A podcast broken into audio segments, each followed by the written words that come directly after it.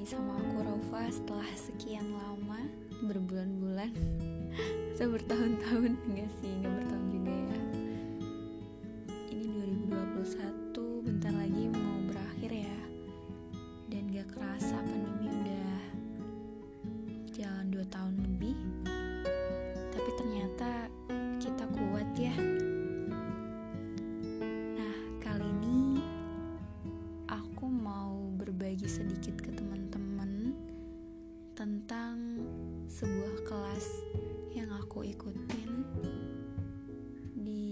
situasi pandemi. Namanya Self Management Session dari Muda Inspiratif. Yang isinya itu ada Dr. Gamal Albin Said dan juga Kak Adnan Fatron. Insightful banget sih. Jadi gimana caranya supaya kita bisa jadi muslim yang produktif? Kasih judul sendiri di insight yang aku dapetin. Masa muda banyak daya. Kalau kalian tahu lagunya Bang Roma Irama tuh kan ada yang lirik Masa muda, masa yang berapi-api. By the way, lagu darah muda yang usianya udah setua orang tua kita itu kayaknya bakalan relate terus panjang masa deh. Di situ Bang Roma Irama tuh kasih pesan buat kita yang ya namanya juga anak muda ya selalu ngerasa gagah dan gak pernah mengalah untuk waspada dalam melangkah agar kita tidak menyesal nantinya. Di masa yang berapi-api ini, banyak peluang dan energi yang bisa dimanfaatkan untuk mengembangkan diri. Tapi kalau nggak hati-hati, bisa jadi malah kita yang terbakar api. Makanya, bisa yuk, bismillah, jaga diri baik-baik. Jadilah pemuda yang banyak daya, bukan cuma banyak gaya. As a muslim, bersyukur banget sih bisa kenal sosok Rasulullah dan para sahabat yang kisah masa mudanya itu paling keren sedunia akhirat. Emang sih, kita nggak akan bisa nyamain mereka. Gak mungkin kita jadi sehebat mereka. Gak mungkin kita dapat kepastian masuk surga kayak mereka. Tapi seenggaknya ada usaha dari diri kita yang bisa kita lakukan untuk menjadikan mereka sebagai teladan. Ya gak sih? Jadi kita punya role model yang jelas-jelas terbaik. Lagian, jalanin hidup itu jangan coba-coba. Yang pasti-pasti aja lah. Pastikan orientasi kita itu pandangannya Allah, bukan pandangan manusia. Rasulullah, para sahabat, para ulama, padahal mereka tuh orang-orang solih. Dan ya mereka juga yang udah dijanjiin masuk surga kan. Tapi bukannya berleha-leha bukannya santuy-santuy aja karena udah yakin masuk surga justru mereka semakin kencang ibadahnya produktivitasnya gitu. Itu sih yang memang seharusnya kita tiru kita modifikasi. Ya maksudnya yang benar-benar kita terapkan gitu ya di kehidupan kita sekarang. Aktif, produktif, dan kontributif dalam memaksimalkan peran di muka bumi, itu seharusnya yang ambil langkah itu. Dan siapkah kamu menjadi muslim berdaya? Berdaya artinya punya kemampuan untuk melakukan sesuatu, punya kekuatan. Nah, di kelas ini aku dapetin beberapa kuncinya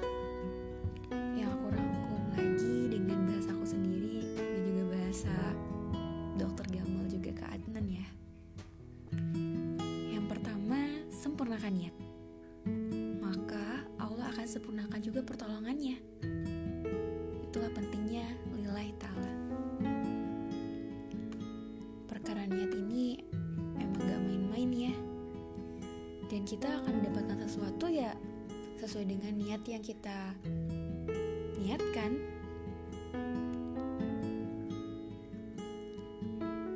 Dan jangan pernah memberhalakan ikhtiar, teman-teman. Karena ikhtiar itu memang harus kita lakukan. Cuman balikan lagi bahwa yang akan memberikan kita, melancarkan kita, meridoi kita itu cuman Allah. Kita nggak boleh ngerasa bahwa apa yang terjadi itu karena ikhtiar kita semata. Makanya jangan memberhalakan ikhtiar karena Allah itu berwenang sepenuhnya membesarkan kebaikan kita. Kalau akhirat yang kita tuju, dunia akan datang dalam keadaan tunduk. Nah, yang kedua, selagi masih muda nih, tempalah diri dengan kesulitan. Sebuah pepatah bahasa Arab yang bilang, "Wamal lazata illa ba'da ta'am. Tidak ada kenikmatan kecuali setelah kepayahan. Ibaratnya nih kapal. Kapal di pelabuhan itu emang aman, tetapi bukan itu tujuan dibuatnya kapal. Jadi nikmatilah tantangan. Karena di sanalah orang hebat, dan orang tangguh itu dibesarkan. You have idea But everyone has an idea. Just stay focus. Fokus sama eksekusi mimpimu sendiri. Jangan peduli pada apa yang orang lain gak lakuin. Fokus pada rencana aksimu sendiri. Karena rencana doang gak akan cukup tanpa eksekusi. Sebelum sebuah karya jadi mengagumkan, itu tuh para kreatornya itu mengubah kata-kata keras, cacian, hinaan, makian yang datang yang ditujukan kepada mereka sebagai motivasi yang memacu tekad untuk belajar, bekerja dan berjuang, juga berkorban berkali-kali lipat lebih keras. Gak sebandingnya dengan kita, dengan aku sih sebenarnya belum ada tuh di tahap itu. Ya semoga sih gak ada yang sampai separah itu ya gitu. Ngatain aku atau sebagainya. Tapi orang-orang hebat itu ya mereka ngalamin hal itu dan justru memicu mereka untuk berlatih lebih keras. Makanya harus mau bersusah-susah dahulu. Anggaplah segala tantangan yang ada itu sebagai rutinitas. Lama-lama yang awalnya kita anggap besar jadi ya jadi mudah terlewati lah. Dan ingat sebesar apa pun masalah yang kita punya kita punya Allah yang maha besar. Ya kadang terpuruk terpukul telak dan menyakitkan.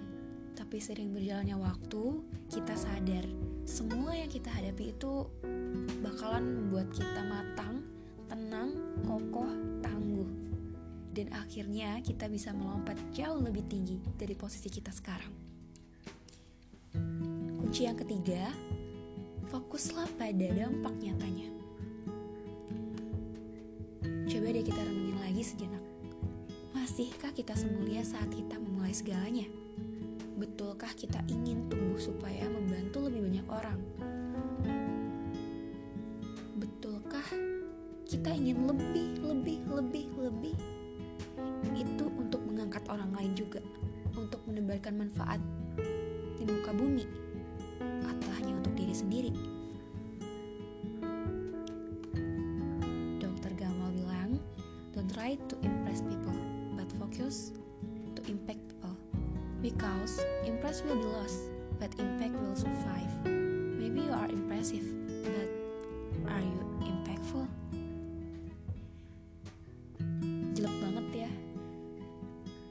selama ini sudahkah kita memberi dampak untuk sekitar kita? Dan yang terakhir, bersiaplah. Bersiaplah untuk melahirkan karya kita. Karena karya itu berteriak lebih keras dari kata-kata. Mulailah beraksi. Ada rumus krusial yang mungkin bisa nih dipraktekin untuk kita siapkan ya. Yang pertama, kompetensi. Kita harus memiliki kompetensi yang baik. Dan yang kedua adalah portofolio. Karya-karya kita dikumpulkan, dievaluasi gitu setiap berkarya. Dan inilah jadi bahan kita untuk terus belajar, untuk terus meningkatkan kualitas diri. Saksi perjuangan kita lah ya portofolio ini. Ketiga, prestasi. Kejarlah terus prestasi sebanyak-banyaknya ikutin apa pun yang insya Allah akan meningkatkan kualitas kamu dan keempat itu pengakuan publik ya jelas lah gimana orang tahu ya gitu ya tentang kita kalau kalau ya emang kita nggak kelihatan gitu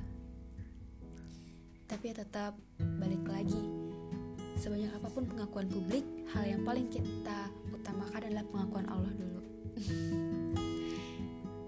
dan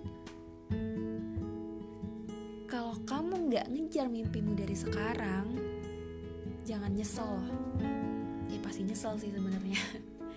Karena orang lain akan membayar kamu untuk ngejar mimpi mereka. Yakin, mau diem-diem aja. Yakin mau malas-malasan aja. Yakin gak mau berubah jadi lebih baik.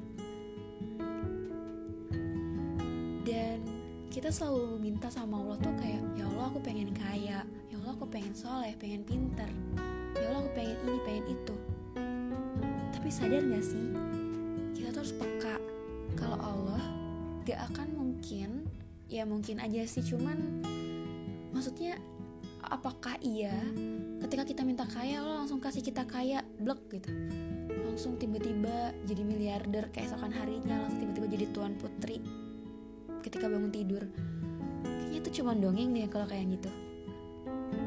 Allah tuh ketika kita minta sesuatu akan memberikan kita cara untuk mendapatkannya. Kesempatan untuk kita memperoleh hal itu. Kita pengen kaya Allah kasih kita kesempatan untuk jadi kaya tiba-tiba dapat pekerjaan lulus dari kuliah dengan nilai yang baik tiba-tiba ada bu dibuka lowongan pekerjaan misalnya untuk kita tiba-tiba ada orang artinya apa? Kita tuh diberi kesempatan.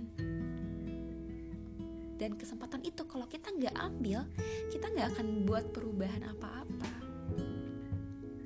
Makanya pekalah sebenarnya Allah tuh selalu menjawab doa-doa kita tapi terkadang kita aja yang nggak peka ngerasa bahwa ah nggak dikabulin dan sebagainya. Padahal sudah sejak awal mungkin Allah mengabulkan doa-doa kita itu dengan cara untuk memperolehnya. Dan itu rezeki yang luar biasa. Kak Adnan ngasih pesan juga nih Gimana cara kita untuk mengukur mimpi kita? Yaitu ada dua Segitiga kesuksesan dan segitiga perubahan.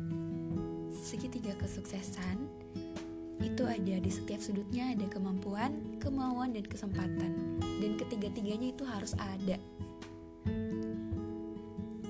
Kalau salah satunya nggak ada Ya nggak akan tercapai itu kesuksesan. Kita mau, kita mampu. Tapi kalau nggak dapat kesempatan ya nggak